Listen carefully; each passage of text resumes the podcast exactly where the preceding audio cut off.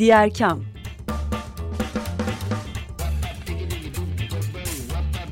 Sosyal fayda dünyasından fikirler, tartışmalar, haberler.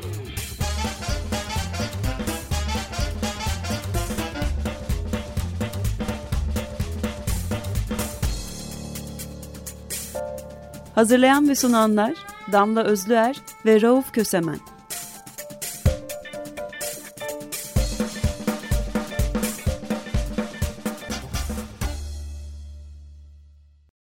Diğer kamdan herkese merhaba. Açık Radyo'dasınız. Ee, bugün Salı 21 Kasım 2023 yılındayız.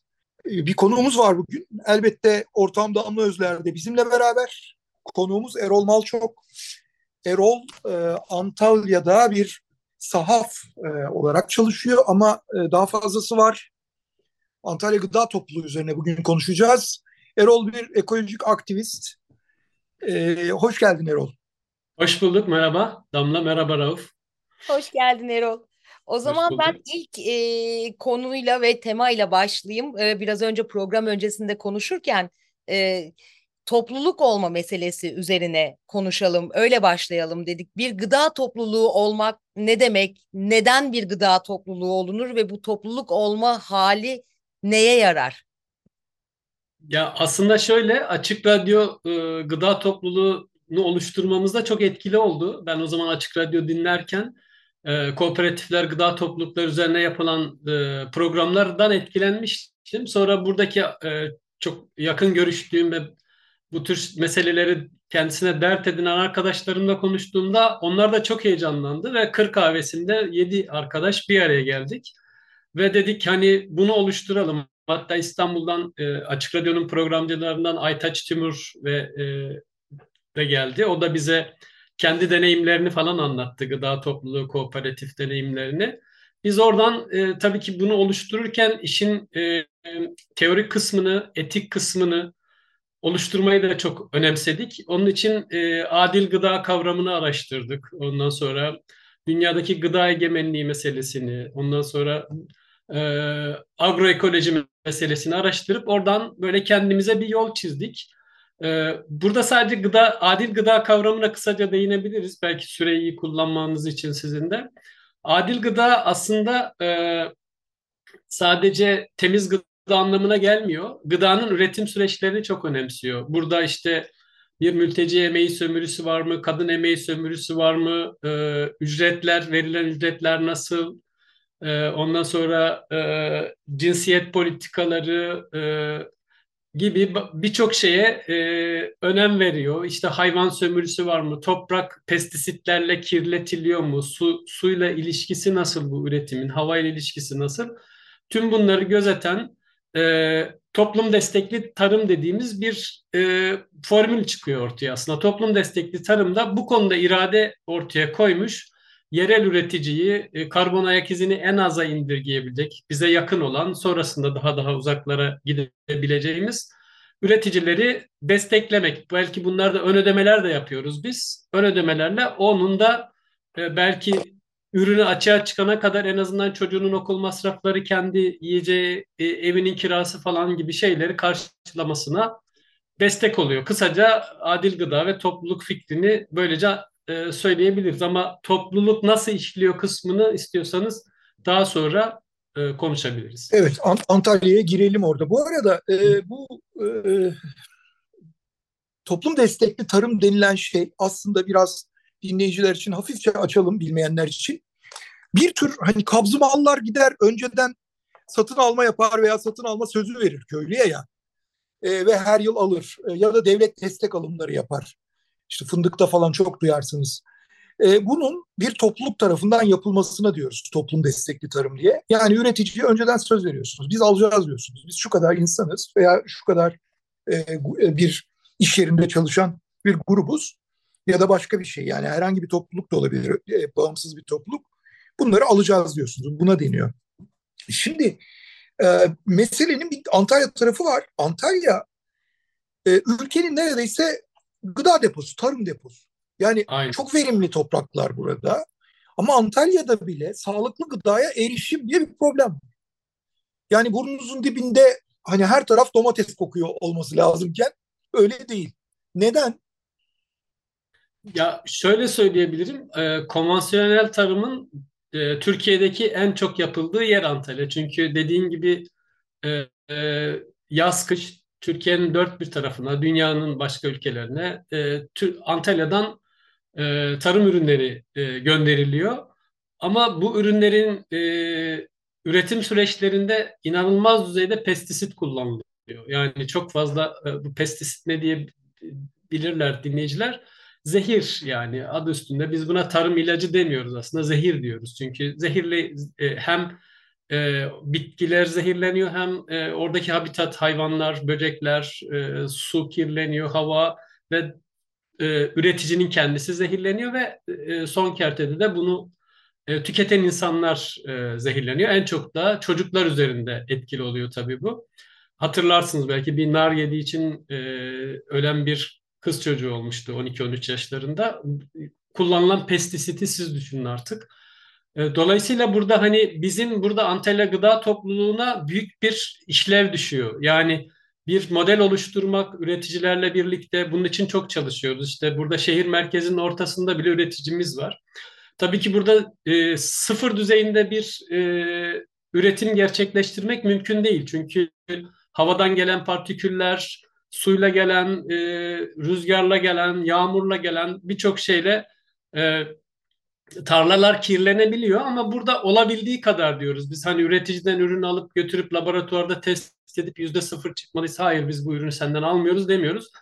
Ee, gıda topluluğuyla üretici arasındaki ilişki tamamen güvene dayalı. Yani biz hemhal oluyoruz. O üreticiyle evine gidiyoruz, tarlasına gidiyoruz. E, gerektiğinde e, üretim süreçlerine yardım ediyoruz. Birlikte kahvaltı yapıyoruz, çocuklarıyla tanışıyoruz yani arkadaş dost oluyoruz aynı zamanda. Bir organik bileşeni oluyor aslında bu üreticiler gıda toplumunun. Dolayısıyla bir ortada e, bir şüphe kalmıyor. Hani onun kullandığı e, malzemeyle ilgili. Bu, bunun en büyük tarafı, en önemli tarafı işte Antalya'da konvansiyonel tarım yapan, kimyasallı tarım yapan üreticilere model olmak ve onların da aslında ürünlerini bu şekilde üretip satabileceğini e, ortaya koymak. Global tarzda e, şöyle bir soru gelebilir. E, bu kadar nüfus kim, kimyasalsız tarımla nasıl beslenecek? Çok yüksek üretimler lazım diye. Ama bunu birçok bilim insanı arkadaş ispatladı. Dünyada şu anda doğal tarıma geçilse dünya nüfusunu rahatlıkla besleyebilecek bir ürün açığa çıkarılabiliyor. Bu tamamen kapitalizmin adil olmayan paylaşımı ile ilgili, üretim süreciyle ilgili değil. Bunları söyleyebilirim. Ee, burada hemen bir bilgi vereyim ben. Ee, anlamışsınızdır sevgili dinleyiciler. Zaten e, aranızda dinleyenleri de vardır. Erol Malçok Açık Radyo programcısı aynı zamanda. E, ekoloji politik programını yapıyor. E, bu geniş perspektiften bakması e, sayesinde de o radyo programını yapıyor bize. Sizin Antalya Gıda Topluluğu bu anlattığın mekanizma aslında biraz daha büyüktü daha önce. Hatta iki ayrı topluluğa bölünmüştünüz. Hı hı. Ee, sonra tekrar birleştiniz. Arada bir pandemi şeyi var. O macerayı biraz dinleyelim. Ee, ondan sonra Damla'nın da soruları var galiba. E, evet, ya şöyle Rauf, biz e, 2017'de kurduk Antalya Gıda Topluluğu'nu. O zaman e, kamuya açık toplantılar falan yaptık. Çeşitli parklarda, kafelerde falan. Büyük bir ilgi oldu. İnsanlar e, katılım sağladı. İşte işte e, burada bir doğrudan demokratik bir topluluk ol, olmamızın da büyük payı var tabii. Herkese eşit söz hakkı, e, kimsenin yönetici olmadığı, e, eşit sorumluluklar aldığı, sorumluluk alan insanın e, bir topluluğu sahiplenmesi çok daha kolay oluyor ve e, büyümeyi de sağlıyor. Bu o da kendi etrafını ya da kendi hitap ettiği kitleyi etkilemiş oluyor. Böylece renkli bir şey açığa çıkıyor. Dolayısıyla hızla büyüdük ve artık e, dağıtımları fiziken gerçekleşebilemez hale geldik. Çünkü çok fazla insan geliyor dağıtıma. Dolayısıyla biz bunu dedik hani bir buna yumurtlama dedi bir arkadaşımız ve biz bunu sahiplendik. Hani e, yumurtlayalım Batı ve Doğu diye iki gıda topluluğu oluşsun. Hani e, lokasyon olarak tabii bu. Fikir ayrılığından dolayı değil. E, böyle iki topluluk oluşturduk. Hatta bizim beklentimiz mahallelerde de oluşmasıydı. Ayrı ayrı işte Kemer'de ne bileyim e, Olimpos'ta falan da gıda toplulukları açığa çıkmasıydı. Ama tam biz bu hamleyi yapmamızın arkasında arkasından maalesef pandemi geldi ve pandemiyle beraber e, birçok şey tabii ki bütün insanlar için alt üst oldu. Ama biz pandemi sürecinde de e, bir dayanışma ağı kurduk. E, insanlarla işte pandemiden etkilenen dezavantajlı bireylerle e, evlerine gidip belli bir fiziki mesafeyi koruyarak onları gıda topluluğumuzun doğal üyesi olduğumuzu söyleyerek yardım götürmediğimizi paylaştığımızı söyleyerek onları da bizim paylaşımlarımıza ortak ettik. Kimisi mesela işte e, börek yapıyordu, kimisi e, geliyordu bize müzik yapıyordu, kimisi kendi yeteneklerini kullanan işte tesisatçı birisi bizim gelip evlerimizde tes, tesisatla ilgili sorunlarımız tam bir aslında böyle bir e, paylaşım şeyine dönüştürdük. Sonra o dönem çok da güzel bir takas şenliği yaptık. E, beklentimizin çok çok üstündeydi. Bu da hani takas şenliğinde de fazlaysa getir, ihtiyacınsa götür diye aslında gıda topluluğunun ne kadar politik bir topluluk olduğunu da gösteriyor bu. Oradan e, şeye dönüştü bu. Birçok bir insan paylaşımda bulundu e, ve e, daha geniş kitlelere e, de hitap edebildik. E, ama dediğim gibi arkasından bir de ekonomik kriz girince e, biz e, birçok ürünü artık kargo masrafları, ürünlerin yükselmesinden kaynaklı getiremez hale ve sadece yakın çevremizdeki üreticilerden ürün al alabilir hale gelince e, bu iki topluluk tekrar birleşti. Şimdi ilk halindeki gibi Antalya Gıda Topluluğu olarak yolumuza devam ediyoruz. Erol pandemi çok kritik bir dönemeç oldu. Ee, Birçok açıdan tüm dünyada çok kritik bir dönemeç oldu ama özellikle gıda meselesini konuşurken sizin topluluk hikayenizde de önemli bir dönemece denk geldi. Burada çoğunlukla aslında güvenli gıdaya erişimi konuşuyoruz ama öte yandan biraz önce yine program öncesinde üreticiler üzerinde de çok önemli bir etkisi olduğunu, yıkıcı bir etkisi olduğunu ve hani kooperatifçiliğin, gıda topluluğunun bu etkiyi de azaltabilecek, buradan çıkış olabilecek bir çözüm olduğunu konuşuyorduk. Biraz bu etkiyi ve şimdi artık pandemi sonrasındayken nasıl dönüştüğünü konuşabilir miyiz? Evet çok iyi bir yere değindin Damla. Ya aslında e, buradan belki tüm kooperatifler, gıda toplulukları hatta bence sendikalar e, bunu duysa çok iyi olur. Çünkü hani e, evet bir ekonomik kriz baş gösterdi. Biz alamaz hale geldik ya da sınırlı alımlar yapabilir hale geldik ama o üretici Don Quixote gibi bir e, kararlılıkla üretimine devam ediyor. Yani kimyasalsız üretime devam ediyor. E, devasa alanlarda ekimler yapmıyor. Ve dolayısıyla bu insanların işte çoluğu çocuğu var, okula gidiyor, kendi ihtiyaçları var, yemesi içmesi var, ne bileyim entelektüel ihtiyaçları var. Yani bu insanların ayakta durması gerekiyor ve bunu sağlamak bizim en büyük e, toplumsal sorumluluğumuz, vicdani sorumluluğumuz. Yani e, buna kısmi ödemeler, ön ödemeler yapmak toplumun destek tarım çerçevesinde yetmeyebilir. Bu, burada aslında hep biz e, Antalya Gıda Topluluğu olarak gündeme şeyi çok getirdik ama bir türlü e, dönüş alamadık. Sendikaların kendi üyelerine mesela e, adil gıda sağlamak için çaba gösterseler, gıda topluluklarıyla, e, kooperatiflerle iletişime geçseler ya da yerel üreticileri kendine yakın olan temiz üretim yapan yerel üreticilerle iletişime geçseler aslında müthiş olur. Yani bir bir sendikanın e, 50 üyesi bir üreticiden ürün alsa o o üretici ayakta çok rahat kalabilir. Yani bu çok önemli diye düşünüyorum. İyi bir yere temas ettin aslında. Evet. Bu e, Güney Amerika tipi sendikacılık deniyor buna. E, Güney Amerika tipi sendikacılık da bunu hatta daha büyük ölçekli olarak e, marketlerle e, toplu satın alma yaptıkları işte okul araç gereci, kırtasiye vesaire e, satan yerlerle, dağıtımcılarla vesairelerle de yapıyorlar. Her üyeye verilen kart karşılığında belli indirimler, belli avantajlar sağlanıyor. Bunu dünyada büyük ölçekli yapan e, Güney Amerikalı sendikalar var. Türkiye'de ise bırak bu tarafa da gelmeyi hani burnun dibindeki e, demin senin anlattığın burnun dibindeki yerel üreticiden ürün almayı organize etmeyi bile düşünmüyor. Bunu bir eleştiri olarak kaydedelim ve ne kadar mühim bir e, fayda sağlayabileceklerini hem üyelerine hem genel olarak e, mücadelelerine hem de e, tarımsal üretime e, yazalım bir kenara. Kesinlikle. O zaman buradan başka bir soru, bir e, örnek ve ilham olarak da e, sizin topluluğunuza baktığımız zaman e, bu türden toplulukları kurmak için yola çıkanlara, kurmak isteyenlere bir şeyler söylemek istersek ne tür zorluklarla karşılaştınız tüm süreçte ve şu anda hala ne tür zorluklarla boğuşup bunları nasıl aşıyorsunuz onu soralım mı? Olur. Ee, yani şöyle e, belki e, teorik kısmı ile ilgili çok ciddi sorunlar yaşayacaklarını düşünmüyorum. Çok deneyimler var, çok metinler var. Yani bizim metinlerimizi de paylaşabiliriz isterlerse. Ee, biz neden e, adil gıda e, diye yola çıktığımızda yeryüzünün sahibi değil sakinleriyiz diye böyle bir manifesto hazırladık. Değişebilir bir manifesto tabii her katılanla beraber tıpkı Zapatistalardaki gibi.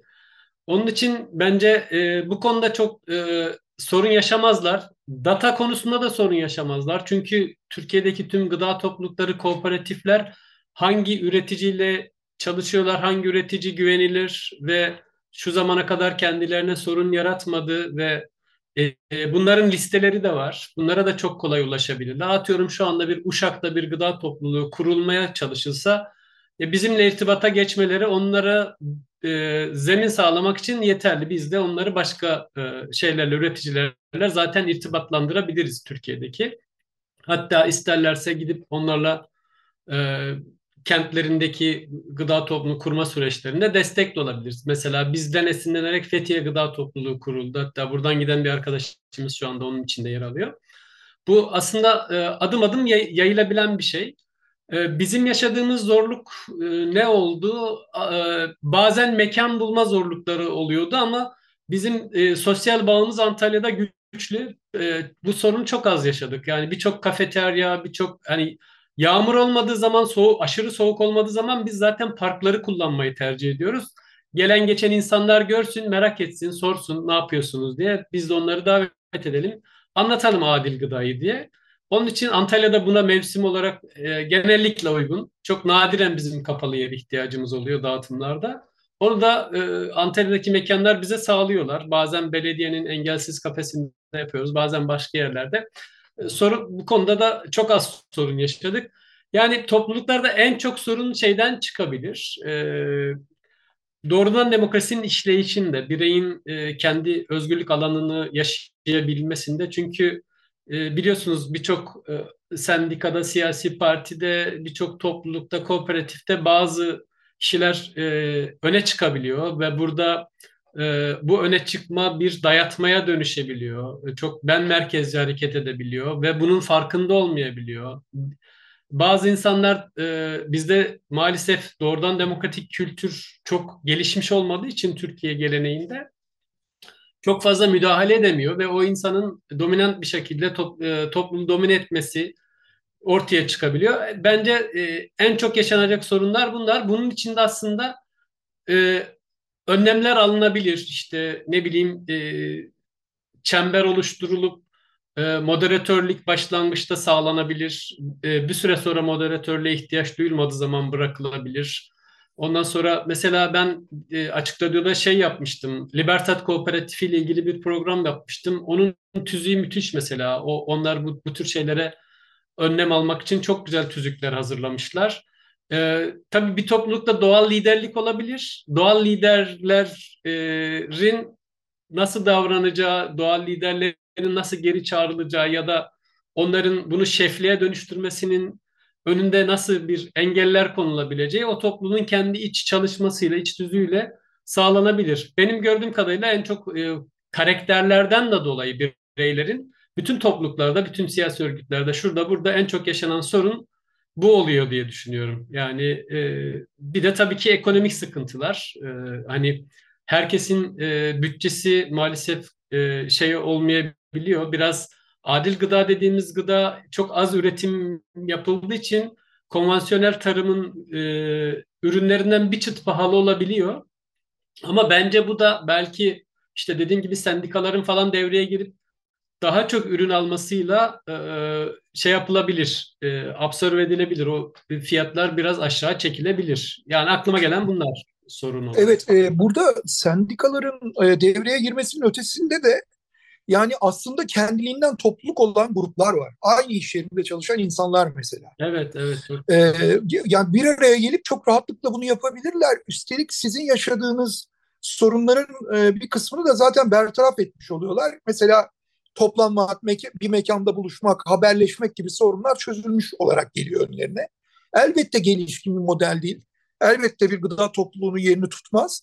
Ama üreticiyi desteklemek açısından çok önemli böyle hamleler. Sen bunu söyleyince şey aklıma geldi. Ben Almanya'ya gitmiştim işte bir konferans için. Orada bir e, Alman bir arkadaşın evinde kaldım. Onlar mesela Polonya sınırına yakın yaşıyorlardı. Polonya'dan bir gıda e, üretici mesela o hafta ne ürün çıktıysa bir koli yapıyor ve o arkadaş grubuna e, o kolilerden gönderiyordu mesela. Onlar da zaten ön ödeme yapmış oluyorlar ve hani gelen ürün benim verdiğim parayı karşılıyor mu karşılamıyor mu diye en ufak bir tereddütleri yok. O üreticiyle çok samimi bir ilişkileri var. O üretici düzenli olarak onlara koli gönderiyordu mesela. Öyle öyle çok güzel bir yöntem bulmuşlardı.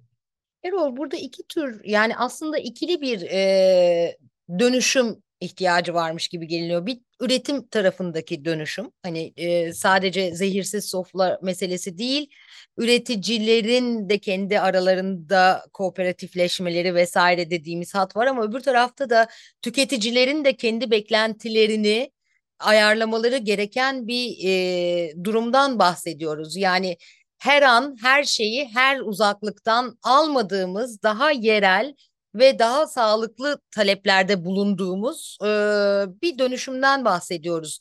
Tüketici alışkanlıklarının da dönüştürülmesine ihtiyacımız yok mu kooperatiflerin yaşayabilmesi için? Kesinlikle yani e, üretici kooperatifleri olduğu gibi işte biz tüketici demeyi tercih etmiyoruz. Aslında türetici diyoruz. İşte bu sorduğun soruyu çok iyi karşılayan bir kavram aslında. Türetici sadece bir şeyi e, parasını ödeyip alan kişi olmuyor. Yani o alacağı şeyin hikayesini takip ediyor. Yeşil mercimek ona nereden geliyor? Bu yeşil mercimek üreten e, üretici bunu doğal üretiyor mu? Bunun e, denetleme sorumluluğunu kendisinin alması gerekiyor bireyin. İşte ve bunu takip ederken de o aile bunu üretirken ya da o, o birey neyse e, ne tür sorunlar yaşıyor? Bir ekonomik sorun yaşıyor mu? Sosyal sorun, psikolojik sorun, entelektüel sorun. Bunlarla ben nasıl hemhal olabilirim? Bunların çözümünde bir katkım olabilir mi? Bunu bunu takip etmesi gerekiyor. Mesela bizim e, topluluğa üye olmak isteyen bir avukat bana şey sormuştu. İyi de ben dedi işte yeşil mercimek örneği de oradan çıktı. Ben dedi yeşil mercimeğin zehirsiz olduğunu nasıl anlayacağım? Ben de dedim ki ben bu topluluğun sahibi, şefi, yöneticisi, pazarlamacısı değilim yani. Bu topluluk e, bireylerden oluşuyor. Sen de katılacaksın. Mercimeği sen takip edeceksin dedim yani. Alacağın mercimeği takip etmek zorundasın. Bu topluluk böyle bir topluluk dedim. O da sonra güldü hatasını anladı ve katılmıştı sonra topluluğa. Bunları söyleyebilirim yani. Gıda toplulukları e, memlekette yeni değil. Türkiye'de e, epeydir var. Sizin kuruluşunuz bile 2017'ye dayanıyor. Ondan öncesi de var. E, başarısız deneyimler var. Sonra toparlanmış olanlar var. Hatta e, belki de e, ekolojik pazar, Buğday Derneği'nin yaptığı ekolojik pazar e, bir e, yapılandırılmış model olarak ilk gıda topluluğu e, modeli olabilir. Çünkü ilk günlerinde e, pazara e, gittiğinizde hep aynı üreticilerle karşılaşıyordunuz. Onlara bir sonraki hafta neler istediğinizi, e, ne ne kadar alacağınızı önceden söylüyordunuz. Ona göre tedarik fazlası ya da eksiği olmasının önüne geçiliyordu gibi.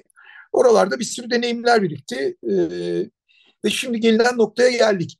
Bu aşamadan sonra e, nasıl bir gelişim e, şeyi olmalı, evresi olmalı? Evet hani sendikaları ve farklı örgütlenmelerin bu işin içine girmesi gerektiğini, hazır e, yapıların girmesi gerektiğini konuştuk ama kişiler için yani birbirinden bağımsız yaşayan ve adil, ekolojik, zehirsiz gıdaya, sağlıklı gıdaya erişmek için bir araya gelecek kişiler için ne tür bir formül uygulanabilir? Ya, İlk başta evet. böyle bir reçete gibi hani önce bunu yapın sonra bunu yapın sonra bunu yapın diyelim ve programın sonuna geldik çünkü.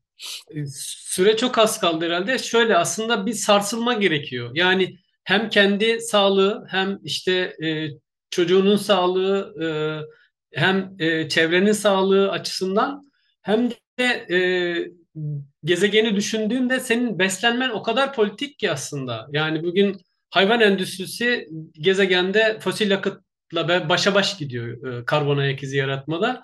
Buradan bir sarsılma yaşarsa birey bence arayışa girip e, kentinde illaki bununla ilgili çaba sarf eden birileri, e, topluluklar, bireyler var. Bence onlarla iletişime geçip yani üç kişi de olsa bir araya gelsinler. Bir şey yapmaya çalışsınlar bence. O zamanla kar topu gibi büyüyor.